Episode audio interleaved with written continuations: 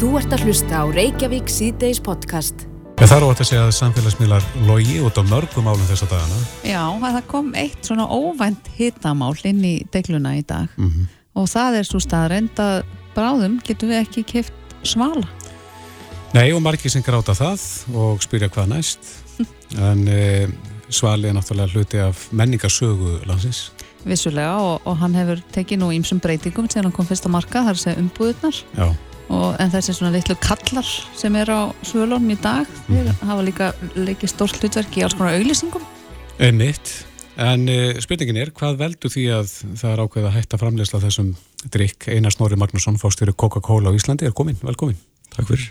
Og svaraði nú, segir við bara. Já, einmitt, ég skal reyna. Eh, Það, þetta er nú þannig að við störfum á líflögum og, og hérna kvikumarkaði. Mm Eh, Svalið er búin að vera til í 40 ár, síðan 82 og hefur stó- st- sterka og skemmtilega sögu og hlutamenningunni, eins og segir. En, en vöruframbóð Coca-Cola er í stöður endurskoðun. Uh, vörum er ekki koma að fara og lifa og deyja eins og, eins og gengur. Og það er, Svali er, uh, hvað var að segja, fórnalamb stórra endurskoðunar á vöruframbóðu Coca-Cola á heimsvísu. Uh, Coke er að strömlínulega vöruframbóðsett í heiminum. Uh, Svali er hluta því má segja svalis í batsins tíma uh, bæði hvað varðar innihald og markasáherslur uh, samræmist svona hvað við segja, ekkert allt og vel því sem kók vil standa fyrir til, til framtíðar, varðandi innihald og til er barna það? og svo leysluta. Hvað er það í innihaldinu sem að... Uh, þetta er drikkur uh, og við erum með skuldbyttingum að lækka sigur innihald í seldum drikkjum okkar uh, talsvert og stöndum okkur vel í því um, í vöruþróun og, og svona markasáherslum og, og svalið er er svona hluta til, er það skýringin á því að hann, hann hérna víkur núna. Var, var engin leið að bjarga svala? Var ekki breyta honum eitthvað? Na því miður, sko, eins og ég segi, þá er þetta, sko, auðvitað er þetta sölu tengt líka, uh, við höfum, eins og ég sagði aðan, þá höfum við, að, höfum ekki lagt áherslu á svala út af þessum ástæðu núna í nokkuð tíma, þannig að salan hefur svona hægt og rólega verið að gefa eftir, þó hún sé sjálfsins allt í lagi en þá, þá er þetta bara, samaræmist þetta ekki, ekki stefnunni og ekki markmiðunum og skuldbyttingunum til, til lengri tíma, þannig að hann, hann víkur því miður. En er það rétt sem að ég heyrði í fyrsta stifti í dag að Svalin er belgískur? Það er að segja, er hann framleittur í Belgíu og er verið að nota belgíst vatn? Já, svalið er framleitur í Belgíu, uh, búið að framleiða hann í Belgíu í um fjögur á núna, framleitur á Íslandi í fyrstu 36 árin. Mhm. Uh, við vorum með framleiðslilínina heima sem við lögðum að fyrir fjórum árum og, og hérna frá þeim tíma hefur hann verið fluttur inn. Og er ódýrar að, að framleiðan og flytjan heim? Já, það er það. Veistu hvað veldur því? Sko þetta eru dýr uh, og flókin framleiðslutæki uh, sem að þarf til að framleiða svona drikki svo, svo vel sé sem uppbyll allar, allar, allar gæðikrögur og því sem, það sem að neytundur treysta á þegar sterk og stór vörumerkjur annars vegar uh, og fyrir litla Ísland er það bara já, ákveðin áskorun að halda, halda því gangandi sko. Mm. En svo hafa einhverju bent á á samfélagsmiðlum í dag að svali lifi góðu lífi í Nóri. Já, og það er enda vörumerki sem er hverfa líka Nú. Þannig að það Það er verður bara, bara vondar fréttir í dag. Já, því miður. En það er nú ekki, þetta er alveg ekki, ekki, að gerast á morgun, þannig að hann, hann sko, við erum að fá sendingar en þá fram á áramótum en, hann verður til í búðunum eitthvað fram yfir, fram yfir áramót og öruglega einhverju vikur eða jafnvel mánuði eða inn á, inn ár. En er, er hann til sölu ef að einhver vil kaupa? Nei, hann er ekki til sölu. Nei. Þannig að vörumerki bara dettur niður dött. Já, Mm það gerir það. En þa þannig að það gæti það einhvern tímann að verði lífgað aftur við. Ég ætla ekki að útloka það sko, en það er allavega ekkert núna sem að bendir til þess, nei. En sko það eru mjög heitar umræður á samfélagsmiðlum. Já, Það, er, það var stór orðfallið um, þessar fréttir. Bjökustu við þessum viðbröðum? kemur okkur ekkert mikið óvart uh, eins og segi, þá var þetta rekur þetta sögu sína til 1982 uh, og búið að vera hluti og, og fara í gegnum ímislegt sko, umbúðabreitingar og skemmtilegar auðlýsingar með hinnum þessum fígurum og, og hérna Jón Páll og hinnur og þessi tekið þátt í þessu gegnum tíðina þannig að eðlilega er þetta já, þetta er súrt sko og okkur finnst þetta alveg verið ákvörðun uh, en okkur þykir eins og greinlega fleirum mjög vænt um þetta vörumarki Mm og sjáum alveg eftir því En hver er svona þróunin á þessum drikkjavöru markaði? Í hvað átt eru að stefna? Já, heilt yfir er þetta þannig að, að sko á þessum góðstrykja og safamarkaði er, er þróunin mjög hröð í átt að síkulösum uh, drikkjum. Mhm. Við sjáum það bara í, í vastrykkjum, í góðstrykjum og orkudrykkjum og á þeim markaði sem við erum að starfa. Þá er mikil aukning í síkulösum valkostum. Uh, svona hægt og rólega eru síkruðu drikkjinir að, að láta undan sko. Það er svona stóri, stóri trendin, skulum við segja. Já, Akkurat. það er kannski eitthvað sem maður má búast við en uh, mér langa aðeins að spyrja þig varðandi sko, umræðina um svala Mhm. og þegar ég prófa að ringja í Coca-Cola Íslandi áðan og Já. ég þurfti að býða svolítið er fólk búið að hafa samband við ykkur og hvarta? Ég held að samfélagsmeirandir alveg síni svona ákveðin, já, ákveðin minnstur sko. Er, er fólk búið að vera að ringja og Já, það er, já, fólk er búið að vera að ringja. er, er, er fólk reitt? Ekki reitt en kannski smá vonbriði, getum orðað það þannig. Heldur að svali verði hamstraður? Já, Hvena verður á síðast í svalins eldur? Ég eins og segi, það fyrir eftir í hvað fólk- er dölvægt að kaupa núna næstu vikunar en ég, ég kemur á óvart ef hann er ekki til í búðunum sko vel fram meður áramót. Hvena verður hægt að framleiða? Það er- Uh, í, næst, það? í þar næstu viku, erlendis. Já. En, en það eru sendingar á leiðinni samt sem áður. Uh, er það rétt muna hjá mér uh, þegar fíkururnar kallarnir byrja að vera fram á svala að það voru til sest, svala lukkudýr þar að segja voru til fólk sem að gekkum í búningum já, einmitt. eru þessi búningar til Nei, ég hef ekki séð á lengi. Þeir eru, það er látið þess aðeins á sjá held ég. Mm. En jú, þeir voru til. ok, við óskum bara eftir því að eh, sá sem sem er með þessa búninga gefa sér fram Ekki spurning. Einar Snorri Magnússon, uh, fórstjóri Coca-Cola á, á Íslandi, stóra fréttir í dag, einar, einar af stærstu fréttum dagsins, það er óvægt að segja það. Akkurat. Kæra þakki fyrir komina. Takk fyrir mig. Þú ert að hlusta á Reykjavík síðdeis podcast. Þá er klukkan 25 minúti gengin í 5 og við ætlum að snú okkur að flóttamannamálum sem hafa verið mikið umræðinni síðustu dag Já, við sögðum frá þessu hittamáli við Svala.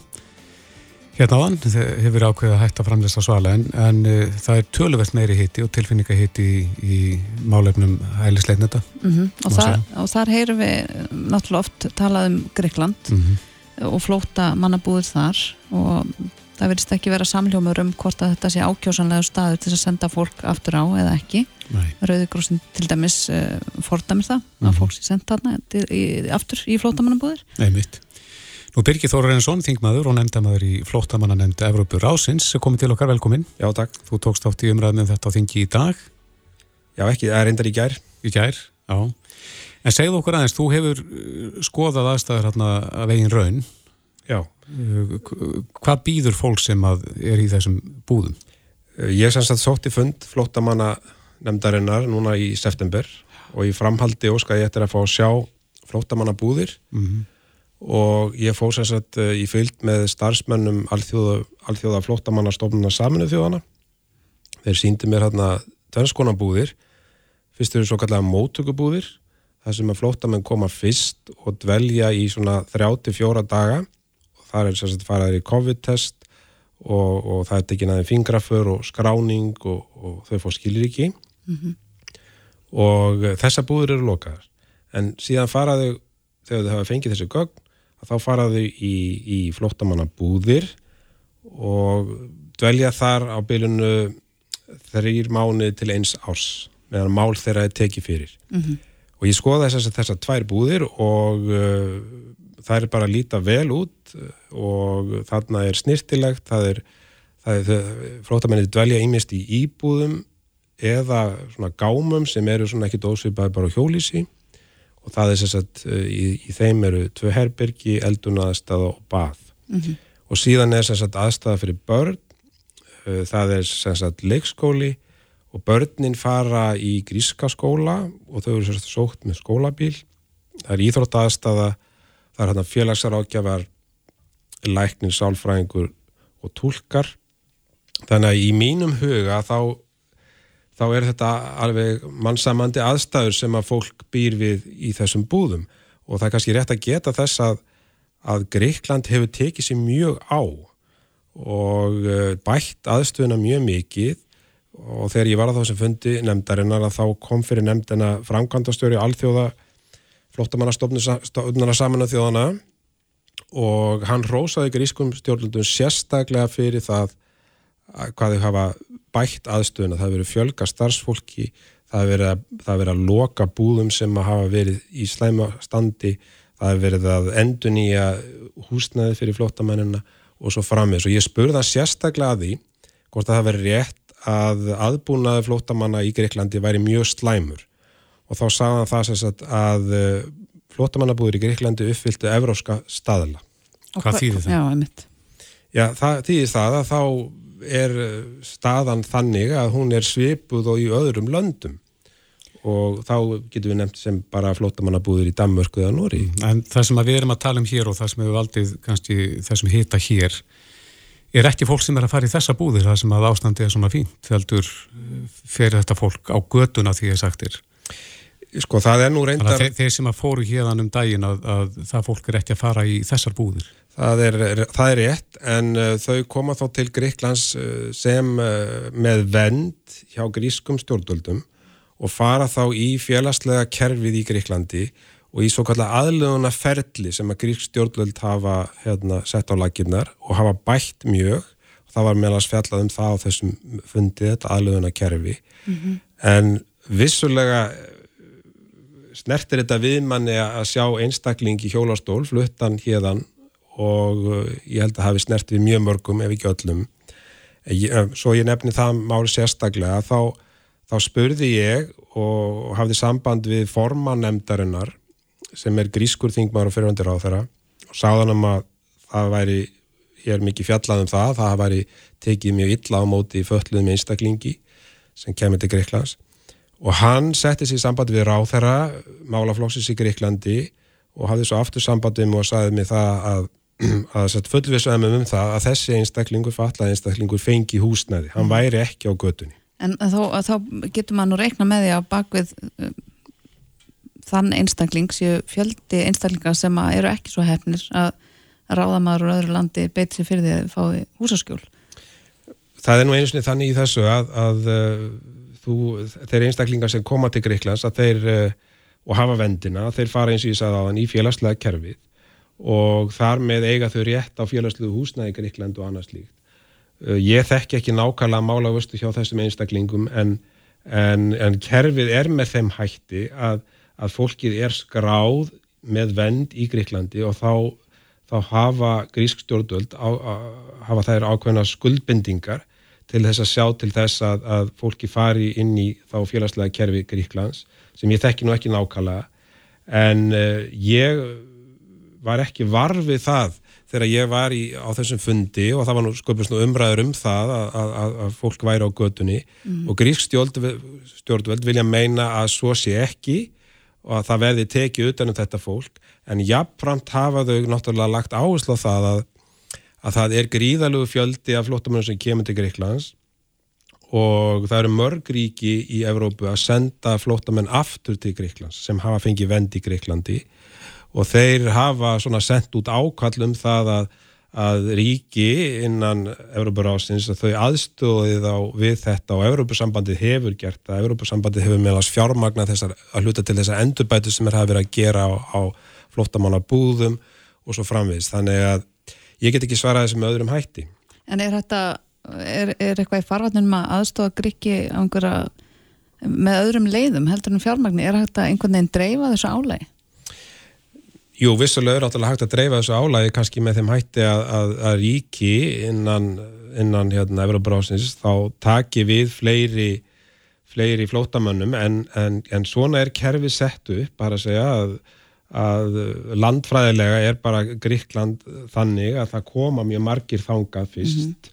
og uh, í framhaldinu fá þeir náttúrulega úrlöst sinna mála og fá þá vend sem að sem að síðan Uh, áþáttalega gilda í landinu en margir og það, hann sagði, sagði það mitt þegar ég var að skoða búðunar að hann sagði mér það starfsmæður saminu þjóðana að, að það er mikið um það þegar fólk, fólk er búið að fá skilríkin flottamanna skilríkin að þá farið það úr landinu og reynir þá fyrir sér í öðrum löndum.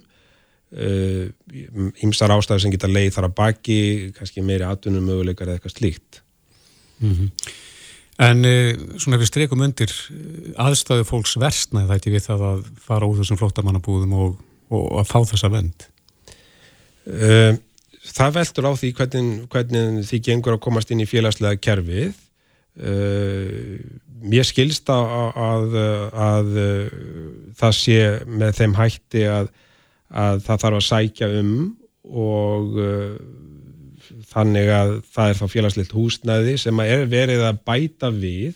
Og það er verið að leia núna húsnæði í Gríklandi sem að, sem að þeir hef, hef, hafa bætt í þeim efnum. Þannig að ég þekki það ekki nákvæmlega hversu lengi fólk er að koma sér inn í þetta kerfi Hvernig er heilbyrðistjónustu til dæmis? Það var rétt á heilbyrðistjónustu og, og, og tannlagna þjónustu og svo frammiðis eins og félagslega kerfið er í Greiklandi þannig að mm. annars þekki ég það ekki nákvæmlega hvaða þjónustu er nákvæmlega í bóði En nú líkur fyrir þingi þingsólituna til það sem að það er mælt með því að fólk, það verði hægt að senda fólk aftur til Greiklands, hvaða skoðun hefur á því? Já, mér finnst sko þessi tilhaga vera svolítið vanhugsað því leitinu til að að hún er tveggjára gömul.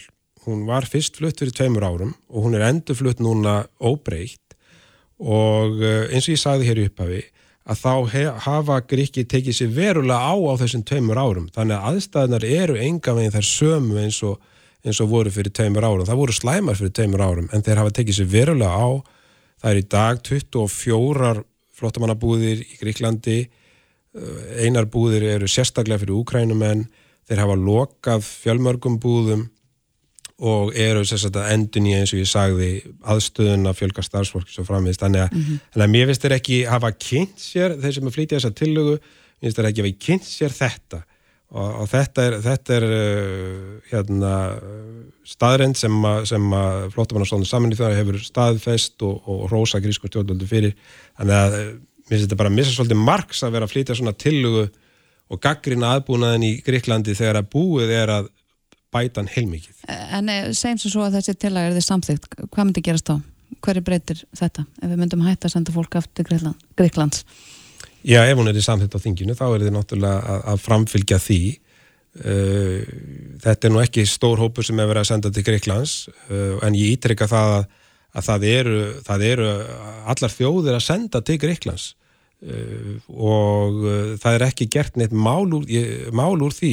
Alls er að nefnd fór til Noregs og Danmörkur og, og ég fór í þá ferð og við vorum að kynna okkur framkvæmt þessara mála þar. Og þar er sérstaklega brottvísunar búðir þar sem að fólki dvelur í ákveðnum tíma áður en að það fer sérstaklega tilbaka. Mm -hmm. og þetta er ekkert í umræðinni þar en það er svona tilneying til þess hér að, að gaggrina hverja einustu brottvísun. En vissulega náttúrulega var þetta mál sem að koma upp núna sérstakt, það sem að fallar einstaklega grátt í lut og, og snerti við okkur eins og ég nefndi hér áðan en, en, en í heldi við litið að þá, þá, þá hefur þetta gengið vel eins og til dæmis í Danmörku þeir er senda töluvert tilbaka mm -hmm. Það er reyndar hérna frétt í kjarnanum um að þýrski domstólar telli endursendingar flótafólks til Gyrkland fyrir sér hættu og það verður fyrir ómannulegri meðferð og í rauninni eru ekki að senda fólk aftur til Gyrklands Já, ég, það var minnst á þessa, þessa frétt í, í þingjun í dag. Mm -hmm. uh, ég uh, kannast nú ekki, ekki við þetta, það er bara reyndar að kynna með það betur. En, eh, en ég man ekki til þess að hafa verið rætnið sérstaklega innan flóttamanna nefndarinnar að hvað Þískaland varðar. En á, þess, á þessum síðasta fundi sem var haldin í Greiklandi þá var ég til dæmis eini þingmaðurinn sem óskaði eftir því að fá sjá flóttamannabúður mm -hmm. Og uh, almennt var umræðan bara um, um náttúrulega hennan gríðarlega flóttamannaströym almennt sem er, er, að nálgast yfir 100 miljónir og svo, jú, var tölur umræðum það að, að, að hérna, gríkir væri búin að bæta sína aðstöðu verulega, á þennan fund kom til dæmis eh, gríski flóttamannar ráþarann og flutti það ræðu og, eh, og menn spurði hann margra spurninga sem að mér fannst hann svara ágætlega en maður heyri líka þetta svona ákall frá grísku stjórnvöldum að þeim finnst kannski að önnu ríki hefði nú átt að létta eins undir með þeim mm -hmm. Já, við komumst ekki lengra sinni. Birgir Þórarinsson, þingmaður og nefndamaður í flottamanna nefnd Evrópur ásins. Gæra þakki fyrir komina. Sem leiðist takk. Þetta er Reykjavík C-Days podcast. Já, nú ætlum við að snú okkur að eh, landssamráðsfundum ofbeldi sem að hefur staðið yfir í allan dag, var að ljúka og þau eru sest henni hjá okkur Egil Haraldóttir, hún er verkefnastjóri aðgerða hjá, gegn ofbeldi hjá Ríkislauglustjóra og reynda fyrirvendir á þeirra líka og Guðmundur Ingi Þorótsson formaður afstöðu félagsfanga. Velkomin. Takk. Eh, ef við byrjum á þér Egló, þú ert búin að verkefnastýra þessum fundi sem hefur staðið yfir í allan dag. Um, hvað fundur var þetta? Getur þú sagt okkur aðeins uh, hvernig þetta fór fram og var einhver niðurstaða? Þetta er fundur sem Ríkislögstjóru var farlega að halda af félags- og vinnumarkasræðara uh, og uh, gengur fyrst og semst mynd út af það. Við komum saman og við ræðum saman um það hvaða er sem við getum gert til þess að vinna gegn ofbeldi og afleggingu þess í samfélaginu. Mm -hmm. Og ég vona svo sannarlega eftir þennan dag að við munum sjá aftur, vonandi kannski jæfnvel árlega eða annarkvært ár, svona fund nákvæmlega.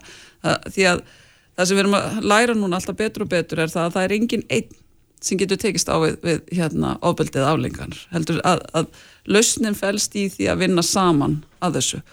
Og þarna voru þess að komin bara inn á þennan fund, við vorum hvað 350 mann sem voru skráðið sérst á fund hér í Reykjavík á Akureyri og Selfossi. Mm -hmm. fyrir utan alltaf fundinu var streymt og fólk hætti skila sérst að sendin spurningar og tekið þátt sérst að djömran með þeim hætti sem voru um þetta að, að annars vegar sérst að fræðast um, um bara hvað er verið að gera og hvað er hægt að gera en líka síðan sérst bara að ræða uh, hvernig við viljum sjá uh, að hlutinu verði og, uh, og svo voru náttúrulega líka bara mjög mögnu skilabóð þannig meðal með sérstaklega frá ungu fólki sem var að segja bara hvernig þau, þau sjá fyrir sér að, að, að hlutinu eigi að vera og eigi ekki að vera mm -hmm. Hvernig er það? Getur þú nefnt okkur dæmi? Já, það, er, það voru bara mjög sterkar ábyrndingar að það eru áhugjur stöðut af til dæmis mögulegu bakslægi þegar kemur til þess að réttundu fólki við kannum stöðu, þá að tala sérstaklega sérst um hana hins egin ungmenni. Við hefum bara verið að heyra bara núna, sérst, núna nokkra vikur sérst, bara af mjög alvarlegum atvikum. Mm -hmm. uh, uh, líka að, að það sá árangu sem við höfum náð almennt í jafnbryttismálum sé ekki, ekki eitthvað sem við bara getum talið að sé sjálfsagt og, hana, og svo líka kannski þetta að, að þó að við, svo sem eins og einhver orðana, þó við séum getur kannski svona alþjóðlega mæli hvað að tala að mörguleita við séum kannski skást að þá eru svo sannlega segir okkur það að, að hérna, við vitum að það er svo óendala mars við þurfum að gera miklu, miklu betur hér hérna, mm -hmm. á, á Íslandi mm -hmm. Guðmundur Ingi, þú ert formar afstöðu og þú ert kannski fulltrúið þeirra sem eru ábyrgi fyrir kannski alvarlegustu brotunum fólk sem að lendir þá í, í fangelsum. Þú skrifaði grein sem að byrtist inn á vísi.is og er mjög mikið lesin þar, hvernig stoppum við ábyldis hegðun? Já, þetta var svo spurning sem að ég fekk eða svona í þeim lið sem ég var í og þetta er ekkert svar við þessari spurningu uh, til, held ég, eða alltaf svona ekki frekar en ekki hvernig stoppum við, já, það er ekki töfra á laust og mm -hmm ekki frekar en hvernig stóðu við glæpi eða, eða fíknæfnulegst Ísland. En, en uh, jú, jú, við komum þarna inn sem kannski fulltrúar, já, má segja gerenda þeir sem, eða, eða þeirra sem hafa farið í refsi vörslu kjærfið mm -hmm. uh, við hjá afstöðu höfum þetta þykir mörg hundru viðtöl við, við hérna gerendur í óbeldismálum og, og hérna líka uh, þólendur og aðstandendur þeirra og þannig að við erum svona erum með ágætið svona sín yfir hvernig þetta er í okkar samfélagi, í, í fangilsinsamfélaginu, en kannski minna hvernig þetta er hér fyrir utan og þess vegna var mjög merkilegt að, að þegar til dæmis hann Andrés hjá heimilisfriði var að, að koma með tölur hvernig þetta var hjá þeim og þá sá ég strax að, að það eru óbúslega sagt, góð uh, þáttaka í, fyrir, hjá gerendum að koma í meðferð og og það eru við ekki sjá í fangilsónum þar er mikil reyði uh, algjör afneitun mm -hmm. og fólk ekki tilbúið til að tala um kannski þessa hluti, það er litið neyður á kannski þessa menn sem eru í fangilsónum Er, er bóðið upp á meðferð fyrir, fyrir þessa menn? Það hefur alveg komið fyrir en, en almenn meðferð er ekki bóðið nei, það er, það er ekki mm -hmm. og, og, og við eins og ég kom inn á þarna þá erum við náttúrulega bara með uh, Fangilsin er náttúrulega bara eins og við erum sagt svo ofta áður, geimslur og við getum ekki ætlast þess að menn komi betur út úr, út úr þeim. Og þar er leiðandi eigst ofbeldi í, í, raun og veru. Staðan fyrir að við eigum að reyna að vera að vinna þetta er svo tími sem við höfum til að endur hæfa fólki sem fyrir fangilsi mm -hmm. það er eitthvað að þegar það kemur þángað og sérstaklega fyrir ofbeldi það þarf náttúrulega að hafa verið gengið mikið á. Þannig að hérna, það er ekki gert og þar leiðandi vestna þessi mál með tímanum, neyslan verður meiri og við erum að sjá að langt flest þessi mál, mála eru neyslu tengd það er einhver þráhaugja, það er mikil neysla og, og, og þess vegna eru þessi mál í gangi.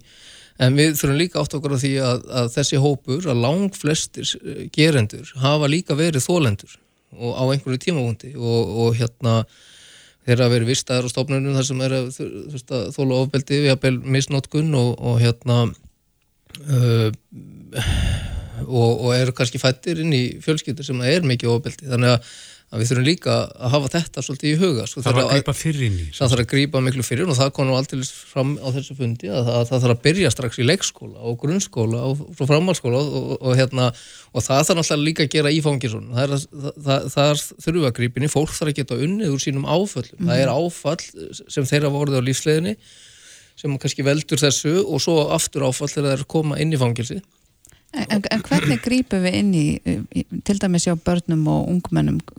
Það er mikið talað um eh, þessar eh, þá aðferð bara í ímsum málefnum er snertir áfallasu fólks sem þau koma fullansaldur og glými við alls konar erfileika en við verðumst ekki taka á skarið og grípa inn í Ég held að, að eitt af því sem sest, við rættum hana var að uh, við ykkur leitt þurfum að hætta að láta okkur- að koma okkur þetta óvart. Svona að þetta sé bara það sé bara sumir sem lendi í þessu stöðu en ekki aðrir, það skiptir máli veist, félagsleg staðin eða bakgrunnur eða mentun ég held að það sé að finna þólendur og gerundur í öllum fjölskyldum á Íslandi, punktur, bara byrjum þar þannig að, að, að, að, horfast í augu þetta þannig að við séum þá með fræðslu forvarnir en líka þjálfun. Þannig að þegar málinn kom upp af því við erum ekki ennþá komin að við getum sagt að við erum búin að stöða heldur, þegar málinn kom upp að við séum ekki að bregðast við eins og það við áttum ekki vona að þessi mál getur komið upp. Erum við ennþá först í þessum mítum að, að það eru svona, svona fólk betra ofbeldi en annað fólk gerir það ekki? Já, að, að, að þetta sé svart og hvít veist, í staðan fyrir mynd að horfast í auguð það að þetta getur gerst innan allra fjölskyldna, allra vinahópa öllum skólum, öllum vinnustöðum í hvaða sveimaklúb sem er. Veist, þannig að, að, að, að á þeim grunni að segja við sem samfélag þurfum að axla það ábyrð að vinna saman gegn þessu. Og, uh, og þar veist, hlutir eins og svo að tala um er fræðsla, er forvarnir.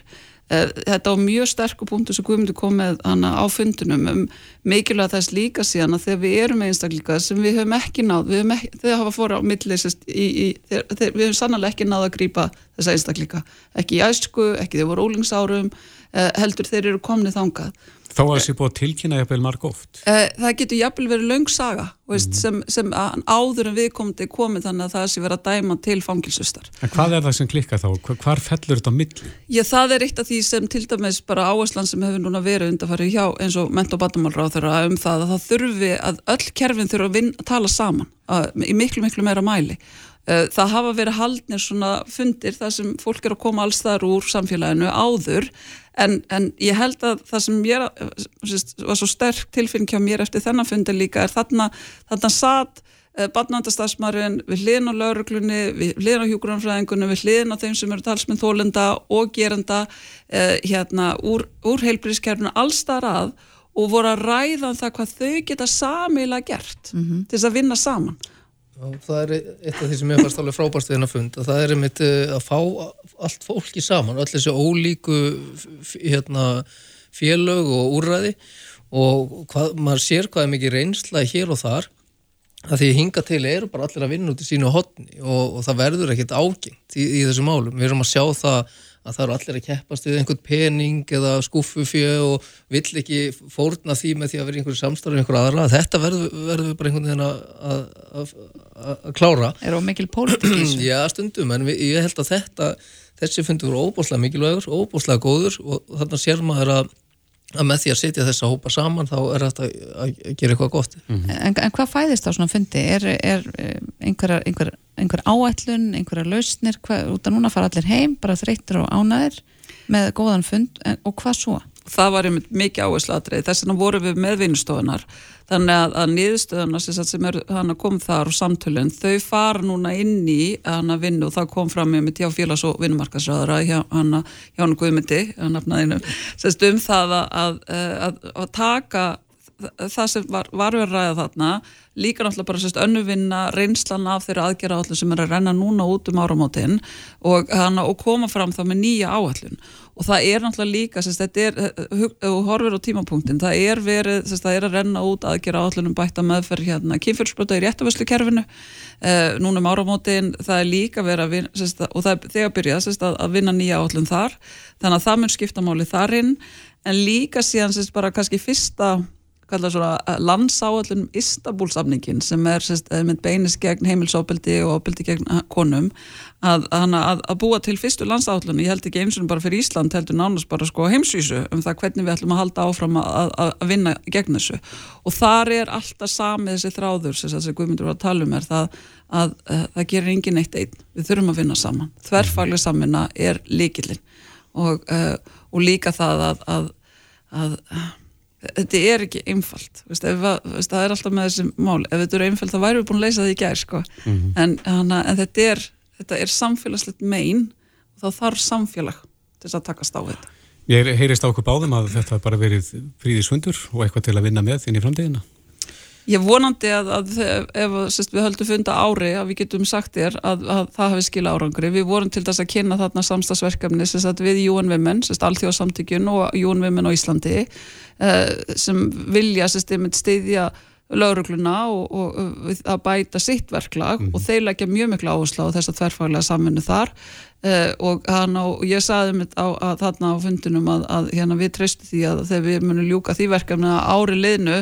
að við höfum raunlega síðast að það skilaði okkur áfram í þessari vinnu mm -hmm. uh, og þannig að, að það verður nóg að gera næsta ári og uh,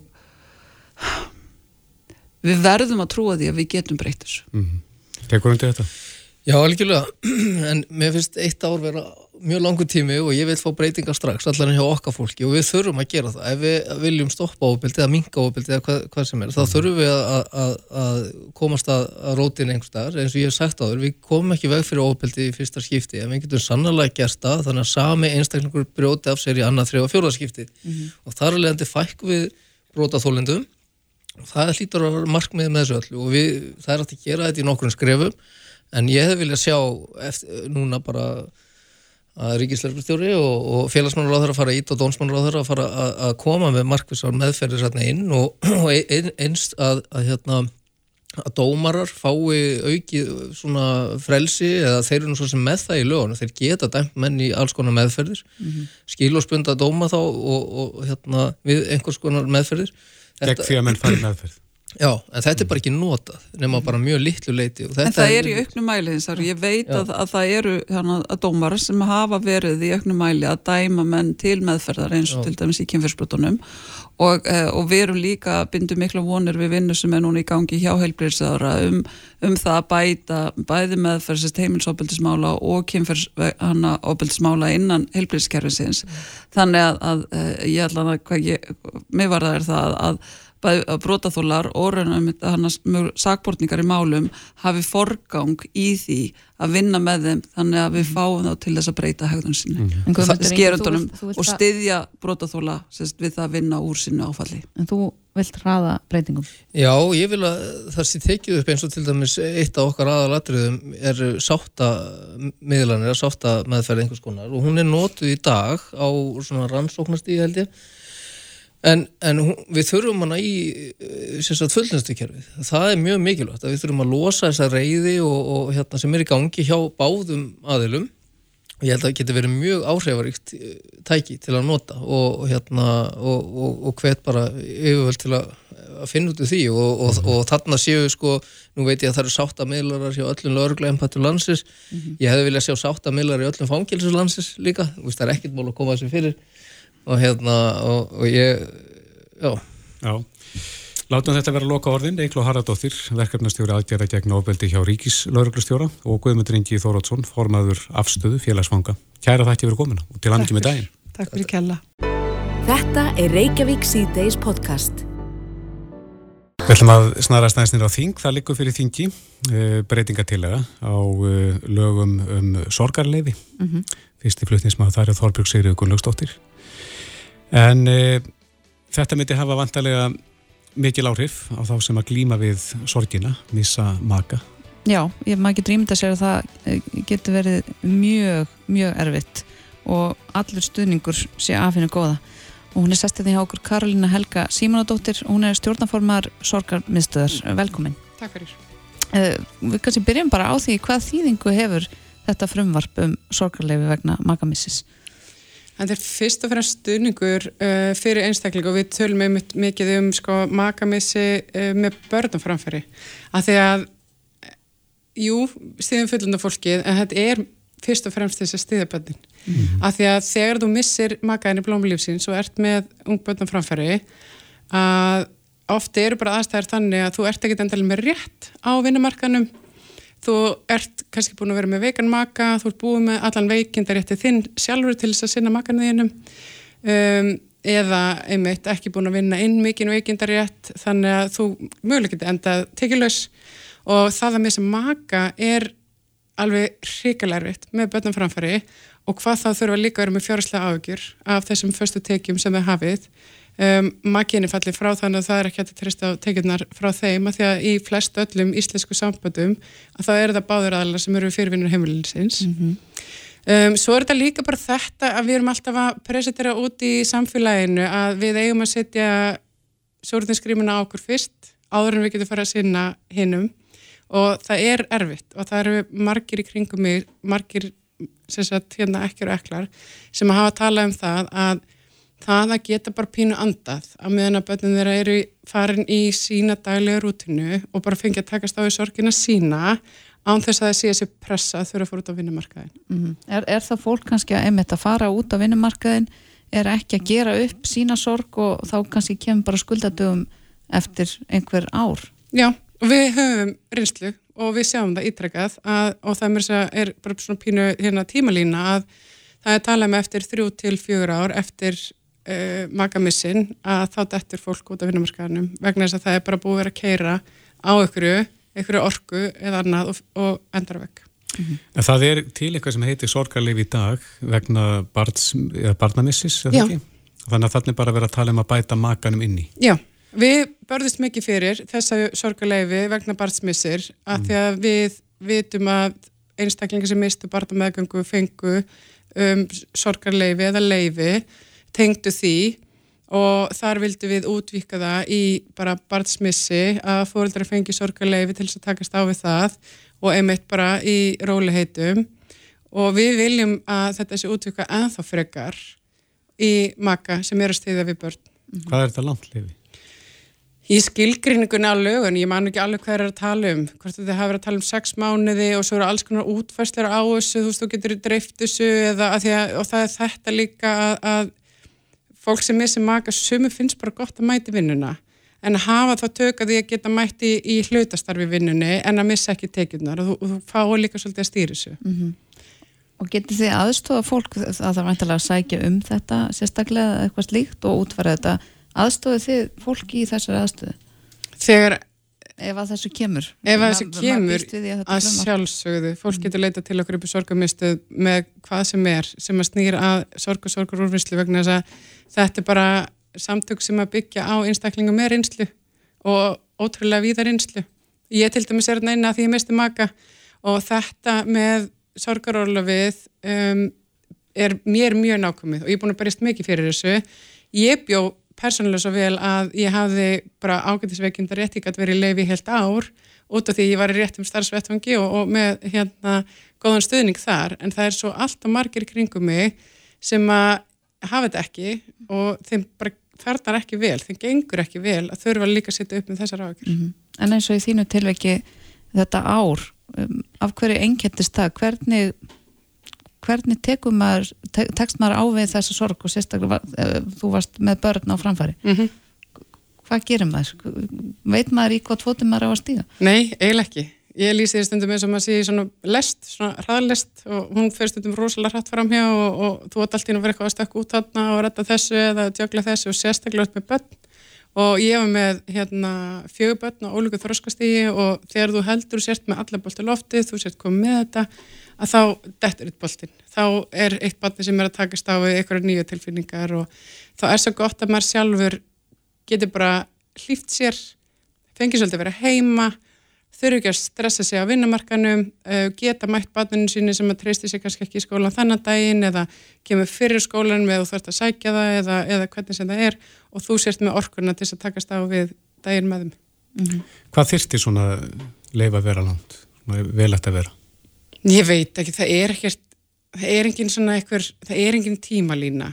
Við sem um, kannski hjá hverjum einum? Já, þetta er rosa misjönd og þess vegna er kannski líka mikilvægt að sé ákveð frelsi í þessu sorgarleifi að hver eitt takit þetta á okkur hérna, einhverju tímabili eftir sínu höfðu það sem þeim hendar um, og, það, veist, og það er líka þetta, veist, það er engin, engin tímalína sorg og það er ekki það er ekki sem getur sagt þetta en á móti skiljið það vel að það eru sett svona lög að það, það þarf að vera eitthvað rammið þar. Mm -hmm. Þannig að við hefum lagt upp með það að, minnir þeir tala um sex mánuði, ef ég manna rétt, að sex mánuði sé kannski ekki endilega bundnir við eitthvað fastan tíma. Þú gætir mögulega kannski bara vilja mæti vinnuna fyrstu tvö árin og svo bara áttaði á því bara þreymur árum eftir að mistir makan að þú þurfir aðeins mm -hmm. núna stöðning og þurfir að geta gefið þér smá breyk. Mm -hmm. það, það var nú gaggrind hérna fyrir um, einhverjum árum síðan að að kerfið væri svolítið galla þegar kemur að því þegar fólk missi maka, sérstaklega sem á börn, að það væri ekkit sem greipi fólk. Hvernig er staðan í þessum málflokk í dag? Er verið að grípa fólk þegar það verður fyrir svona áfalli? Nei, það er misjönd. Það er fyrir eftir hvort að þú missir maka hérna inn á sjúkrastofnun eða ekki. Um, og við vitum það alveg að ef makin er búin að vera lengi veikur að þá kemur ákveðst unnsnett yfirleitt. Um, því miður hefur einstaklega sínt okkur að ef einstaklingur deyr utan sjúkrastofnunar að deyr skindilega, það er ekkert kerfi sem kemur þar inn og grýpur eða, eða fyrir af stað og það er sérstaklega sorglegt finnst mér akkvæmt börnum, af því að það eru fullt af börnum að núti sem að eru með fóröldar sem er ekki og vita mögulega kannski að sorgamöstin sé til og þarna sé stöðningu fyrir börn og, og, og annars líkt og réttindi sem þau hafa. Hverju þarf að breyta til þess að laga þetta? Mörgu, á það það fyrst og fremst að byrja samtali. Við að sorgumistinu voru með ráðstefnu núna í ágúst þar sem við töljum um, um þetta skindilegu missir, þar sem við fórum inn á þetta. Og á ráðstefnuna komu til okkar fulltrúar flá landlæknisembættinu, sjúkraflutningamönnum, rauðakrossunum og bara mörgum vinklum í samfélaginu. Og það var bara rauðið þráinu gegnum þetta allt saman að það er ekki neitt, það er ekkert formfast á því hvernig við ætlum að takast á þetta. Og það er í rauninni alltaf verið að býða eftir að einhver byrja á því eða annar taki við því. Þannig að greip engin boltan hérna og komið svo af stað? Jú, við erum með boltan Við ja. í sorgumestina ætlum að koma á laginar verkefni sem við títlum í dag hjálp 48 en það er alveg gífilega stort verkefni og til þess að það virki að þá þarf að fá alla þess aðala borðinu og tala saman og vinna saman að því Í, í hverju fælst þetta verkefni? Það fælst í því að þegar uh, einstaklingur er annarkvæmst útskurðar látin eða, eða, eða hérna, sjúkraflutningamenn eða lögurlega kemur á staðin að þá fáu þeir leiði ástfinna til þess að ringja út hjálp 48 hópin okkar þegar að þau kemur og þeir, við getum þá komið til einstaklingarna innan 48 klukkutuma aðstandur sem missa ástunnin og leyti svo í gegnum komandi ferli. Mm -hmm. Þannig að fólk standa ekki einhvern veginn eitt uppi og vita ekkert hvert þá að leita. Mm -hmm. Mm -hmm. Það, það staðan er þannig í dag? Það er þannig í dag. Því miður. Já, það, við tökum undir það að það þarf að bæta úr þeirri stöðu. Hjálp 48, það mhm. ljóma vel. Mhm. Við fáum að fylgjast með því þegar það er kemur. Yes. Karolina Helga Símonadóttir, stjórnanformaður Sorgamiðstöðurinnar, takk helga fyrir komuna. Takk fyrir. Reykjavík síðdeis á Bilginni podcast. Þá vantar klukkuna 13 mindur í 6 og við ætlum að beina sjónum okkar að uh, mjög vafarsum félagskap sem kallar er INSEL. Mm -hmm. Það stendur fyrir Involuntary Celibate sem mætti því að sem skýr lífur gegn vilja sínum. Já og um, þessi hópur er með allt á hotna sér, kakvart konum og hatast út í konur. Mm -hmm. En uh, spurningin er hvað uh, einkynni þennan hóp, Bjarki Þór Grönfeld, lektor við Háskólan á Bifröst og doktorsnefni í stjórnmálasálfræði er á línu, kom til sæl. Jú, blessaður. Já, þú hefur kynntið þennan félagskap ofan í kjölinn. Hvernig, já, já. Hvernig myndur þú skýran út, eða svona út fyrir okkur sem að þekkjum lítið um og veitum lítið um hann?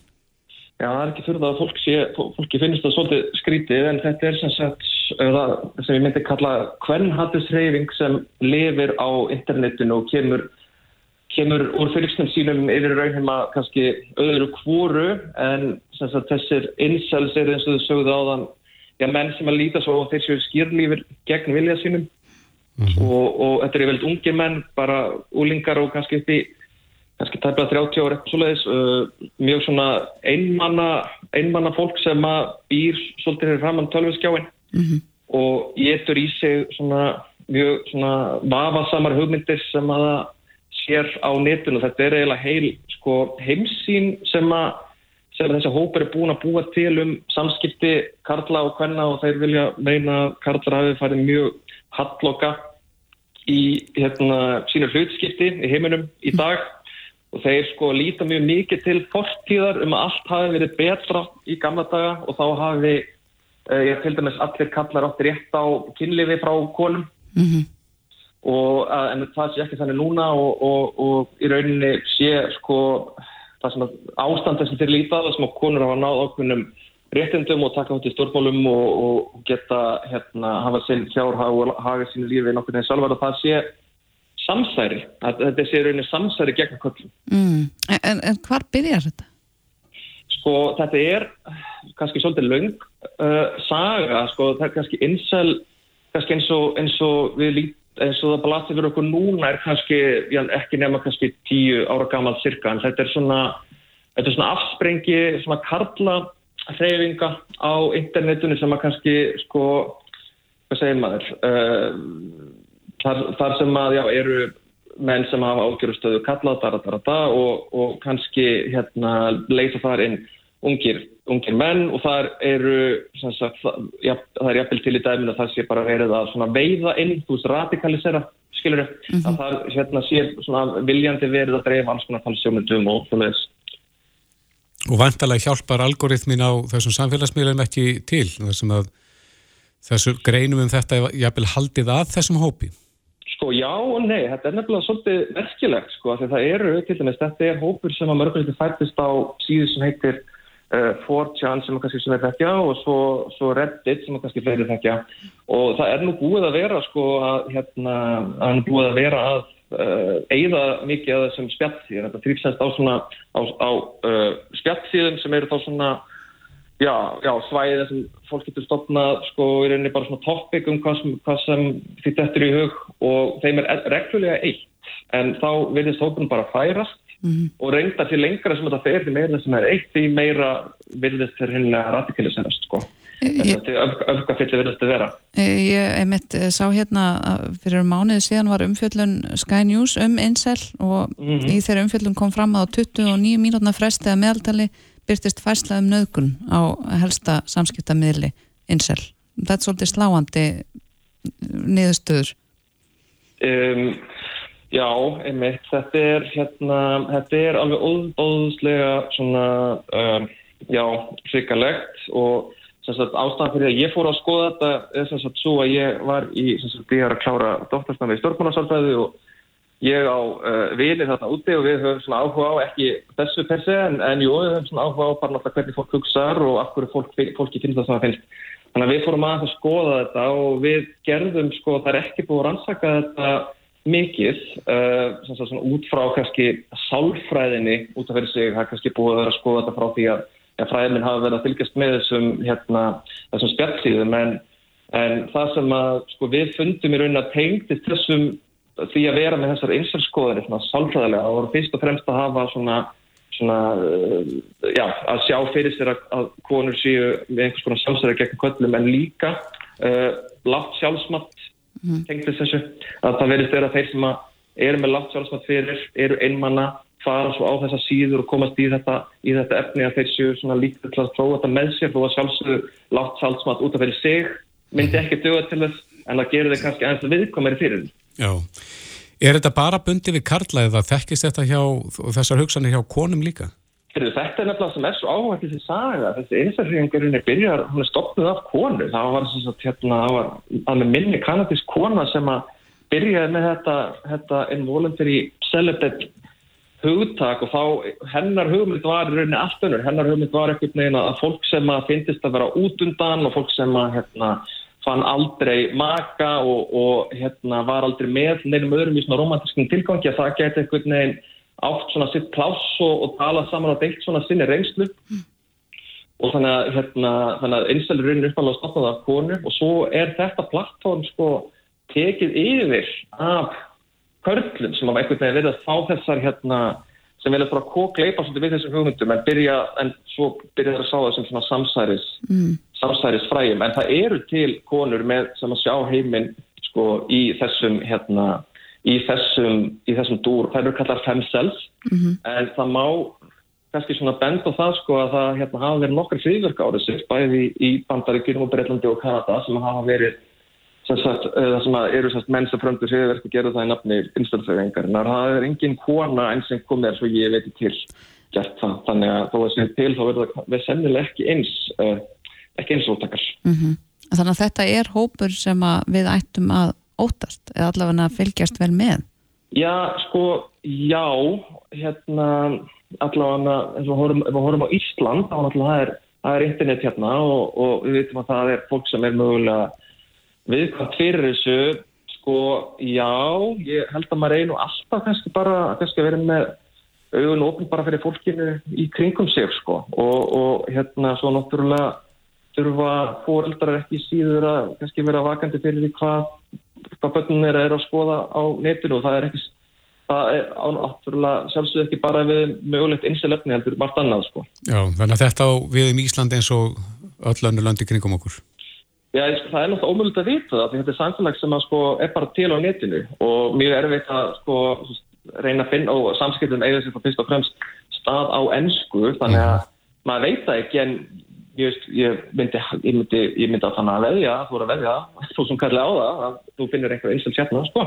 Já, það kannski sést ekki utan á fólki.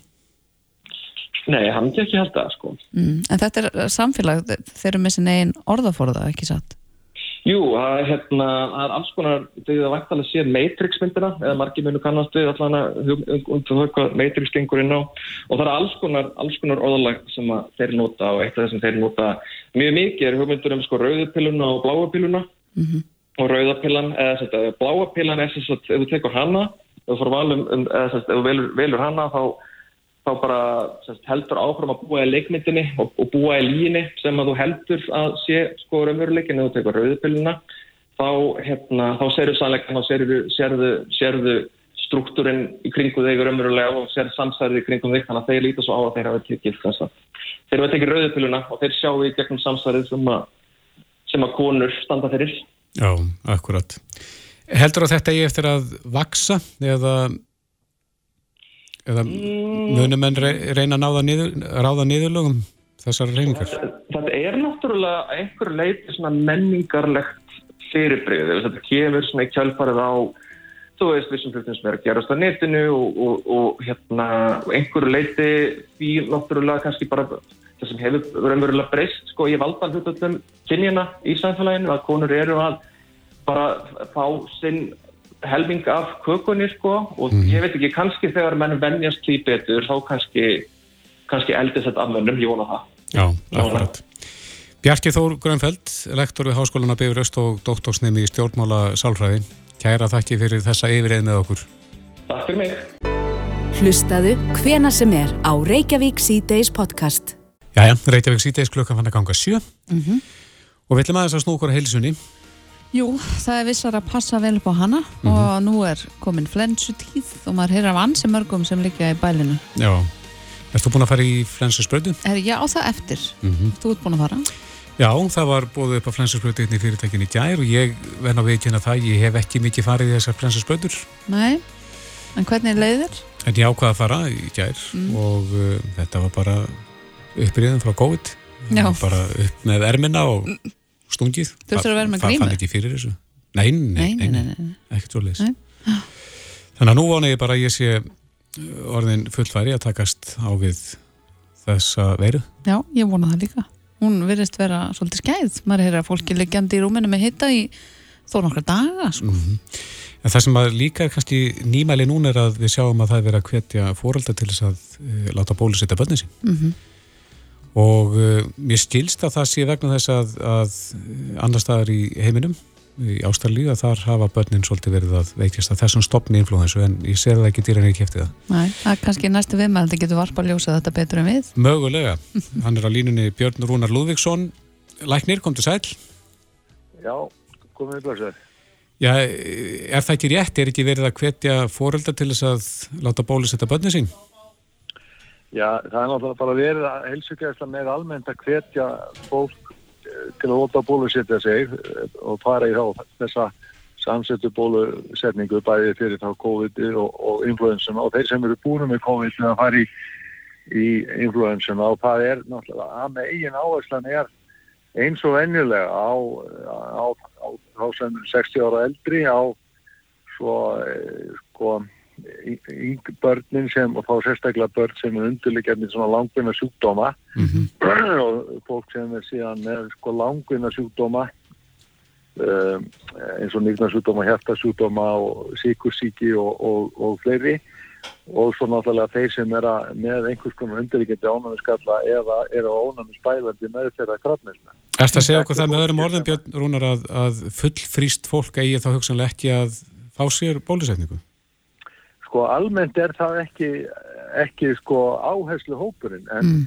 en hins vegar getur við öll varið okkur með því að, að fara í bólusetninguna fyrir influens og þá sérstaklega þeir sem eru svona í áhættu eins og þeir sem er þá umgangast mikið uh, af öðru fólki mm -hmm. sem er að vinna í helbiðisjónustu og, og uh, í skólum og leikskólum að þá, þá er það sko mikilvægt að, að reyna að draga úr smittíninni og, og, og verja sjálfa sig og þá líka þá aðra fyrir, fyrir smittina því að bólusitta sig. Þannig að Kristófur var ekkert að... Það er ekki almenna regla, hún gildur alveg jafn mikið núna eins og eins og með aðra svona bólu, bólusetninga fyrir influens.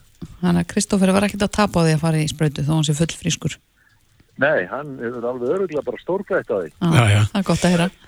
Þess að það influensan er byrjuð og, og hún byrjaði óvinnum snemma, hann má segja. Mm -hmm. Og, og það sem meira er að, að hún verðist koma með kannski meiri krafti heldur en oft áður sem við talaðum að um, og svona fyrstu tölunar bæði núna úr, úr Norða-Evropu og, og frá Spandaríkjana sérstaklega þar sem eru komað nokkuð góða tölur að, að þar sýnist þetta að vera ja, minnstu kosti tvöfalt meiri algengi heldur en væri að ella á þessum tíma. Já, en þú, þegar við rettum saman í dag að þá talar um eitthvað sem að þú kallar ónæmi stekur.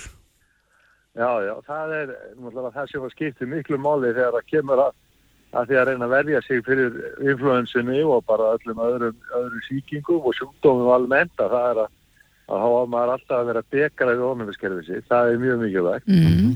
og þá er þessi gullna regla að, að, að, að bara hugsa vel um líkom og sál reyna að draga úr stressi og álægi og hugsa vel um svefn og, og vera ekki að stunda óhátt lífverðni með því að neyta einhverja vímaefna eða tala mikið um að reykja og, og einhvers lík þannig að það er allt þetta skerðir eiginleika í ónæmiskerfið til að starfa eða mm. Þannig að það er svona þetta, þetta almenna. Svo er nú svona sértækari leiði sem að krefst kannski aðeins meir hafa fólki og, og, og þá er það að, borða holt náttúrulega og hugsa þá vel um sérstaklega við sem er á norður kvölinu að hugsa vel um D-vitamin búskapin. Mm -hmm. D-vitamin skortir er ótrúlega algengur á Íslandi og og, eh, og D-vitaminni er mjög mikilvægt ekki bara fyrir beinin okkar heldur líka fyrir ónumiskerfi mm -hmm. þannig að það er gamla góða lýsið eða þeir sem fóla það ekki að þeir, þeir geta notað þá töflur eða, eða perlur eða eitthvað slíkt. En það er mjög mikilvægt. Og svo eru B-vitaminin og það eru mikilvægt og svo eru svona snefilefni sem að, að við fáum öllu jöfnu úr júrtaríkinu og, og úr svona kjöldmeti en þeir sem eru á, á ströngum matakúrum eða, eða eru matargeikir aðri leiti að þeir, þeir þurfa að hugsa um þetta og reyna þá að taka viðbætur í, í, í, með vítamintöflum eða, eða snefilegabtöflum. Mm -hmm. Þetta er svona, þetta er svona, svona grunn, grunn atrinn. Nú, nú annað sem að fólk getur gert, gert og það er að stunda þólfjálfum og þá þegar ég segi þólþjálfun þá, þá er það ekki dvoðalega mikið, fólk þarf ekki að gera meira heldur en að ganga rösklega í svona 20-30 mínútur þess að þessari viku fá hérsláttin aðeins upp, kannski upp í 110 til 15 slög mm. á mínútu og, og þá ertu farin að vinna með þér og, og, og fá þessi góðu áhrif sem að þólþjálfun skilar á starfseginu ónumiskerfinsins og líka bara til marga annað líffara, greiður álægi og streitu og og bæti söfn og ímislegt annað. Svo sá ég nú hérna fyrirsögn og erinda eftir þig, uh, sjórin er skelvilega góður. Já. Er það svo? Ég, er, hann er skelvilega góður, hann maður þarf alltaf að umganga sjóina virðingu, hann getur verið skelvilegur og, en hann getur líka verið skelvilega góður. En, og það er þessi, sagt, eh, þessi kulda, kuldasund eða kuldaböð og þau ef að rétt, rétt er gert og, og menn taka, gera þetta ekki á einhverju vittleysu Mhm. og, og fara á geist og þá, þá getur maður fengið jáka áhrif á starfsemi og honum í skerfisins og jafnvel til tölur sem sína það að þeir sem, sem stunda þetta reglulega og gera það skynsemi að þeir eru með færri síkingar með allt en þeir sem gera það ekki. Já, já, þannig að kvöldböð styrkja ónæmiskerfið.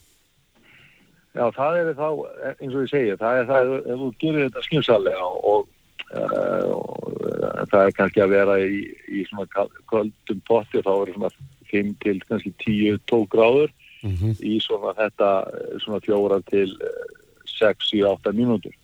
Það, er, það skilja góða morgunri en hit, líkamsittin ef hann lækkar meira en þessi nefnir einni gráðu og þá er þetta að vinna með að vinna á móti þér, þá eigur frekar líkunar að því að fá kvefi eins og við þekkjum öll sem við lendi í einhverju gósbúð Mm að þá, þá fær mann oft kvefi kjölfæri sko.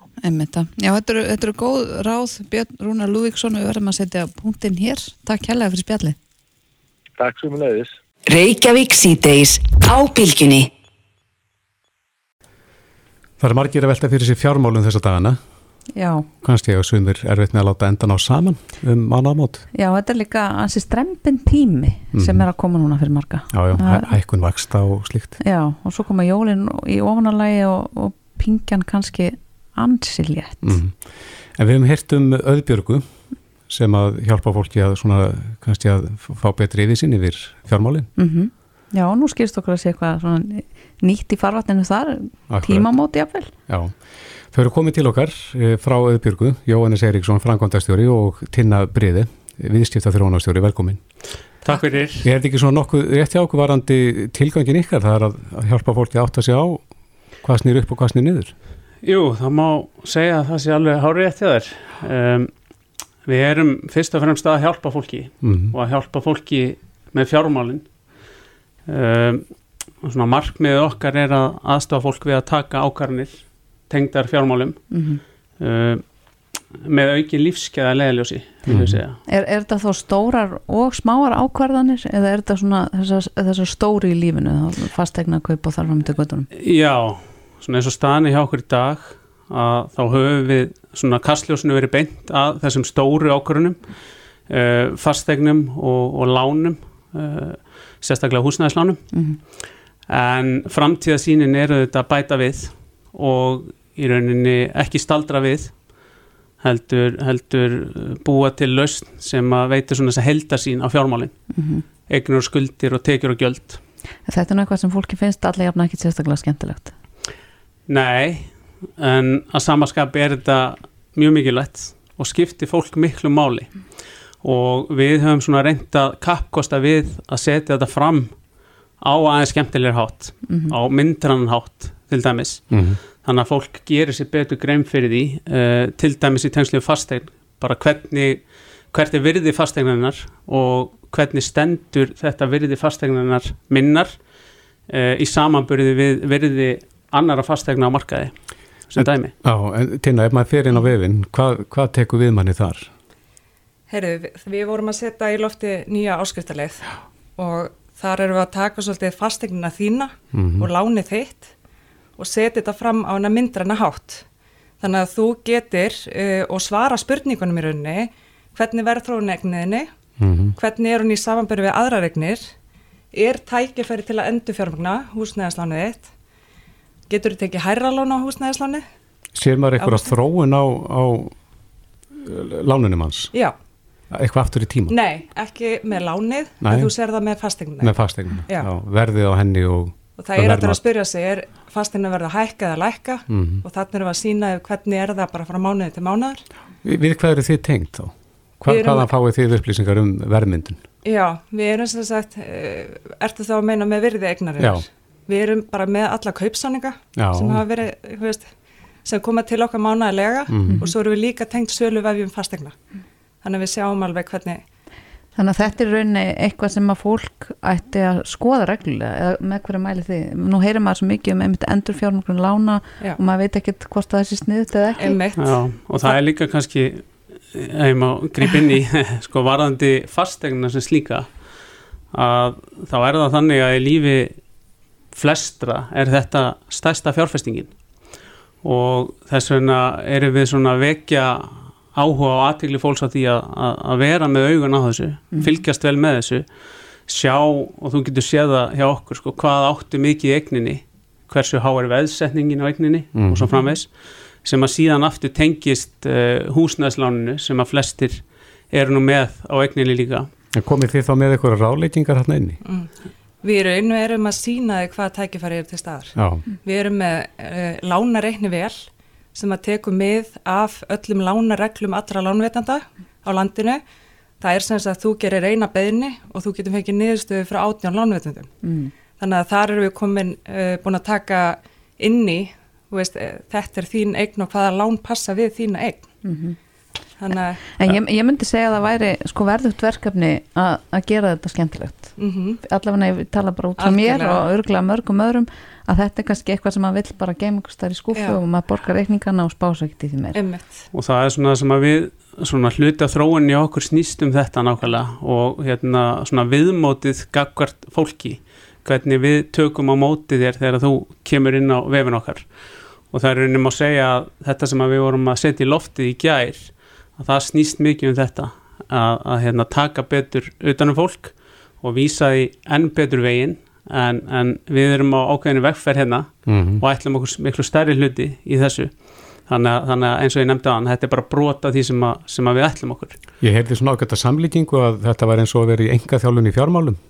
Er það Já, það sem þetta snýst kannski um? það, það, það má nú alveg segja það að, að, að þetta sé eins og það um, ef ég má kannski bæta þess við varandi, varandi lánin Mhm. og svona sem tengist í sem að þú nefndir aðan varandi skemmtilega framsendingu að þá, þá erum við mjög ánæg með það sem við höfum gert sko varandi framsendingunni á lánunum þannig að þú sérð á, á myndran hátt sko hvernig lánið þitt stendur í dag með að við kjörin sem að bjóðast á markanum í dag Mhm. þannig að þú getur séð strax betur stendur lánum mitt vel í dag eða eru tækifæra á markanum mögulega til þess að taka nýtt lán og greiða þá gamla lánið upp uh, og, og hérna í rauninni með því erum við að, tala um endurfjármagnun svona fyrir Mhm. þá sem að kannski veit ekki nákvæmlega hvað það er Er því það að- samaburði milli lánastofnana?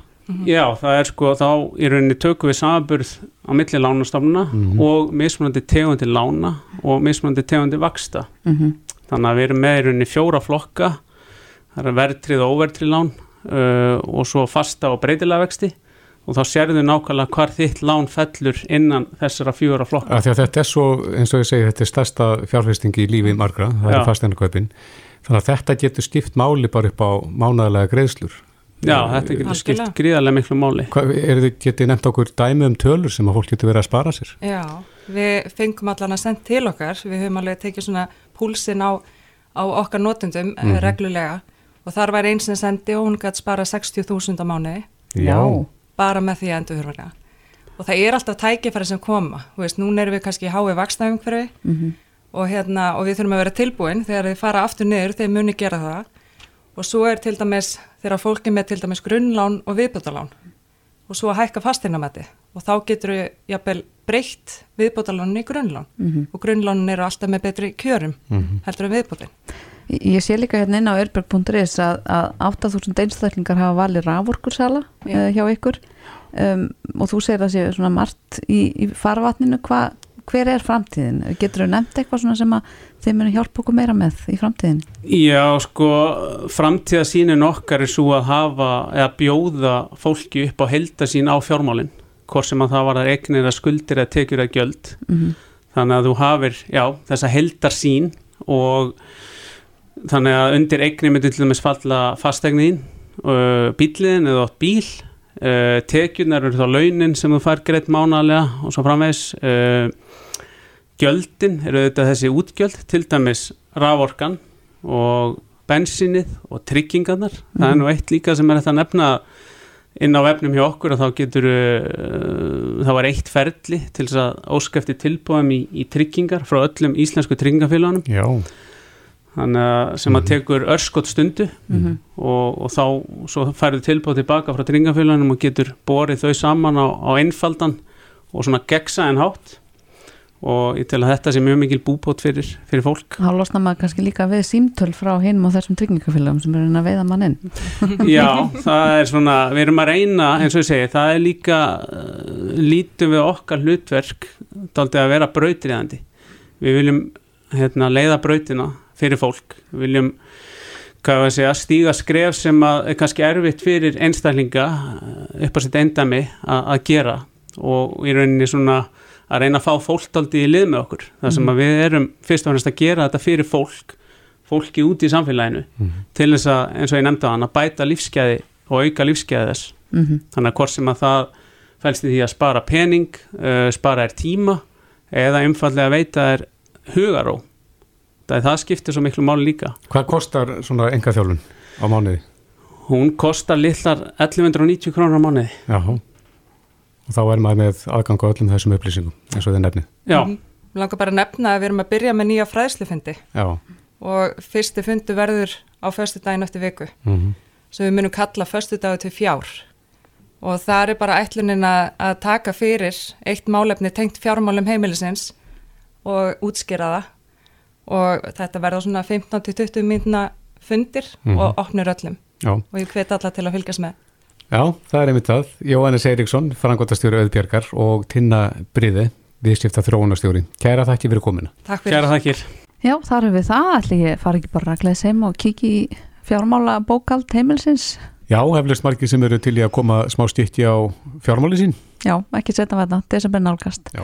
En uh, það nálgast líka endalókir þess að þáttar. Já, fréttastofan tekum við hér eftir augna blik. Við verðum aftur á móti hér á ferðin aftur á morgun klukkan fjögur og við minnum að það að viðtölinn eru komin inn á vísi.is og Bilgju appið. Heldur betur, Bræði Kristófer og Lilja, þakka fyrir sig í dag. Verið sæl.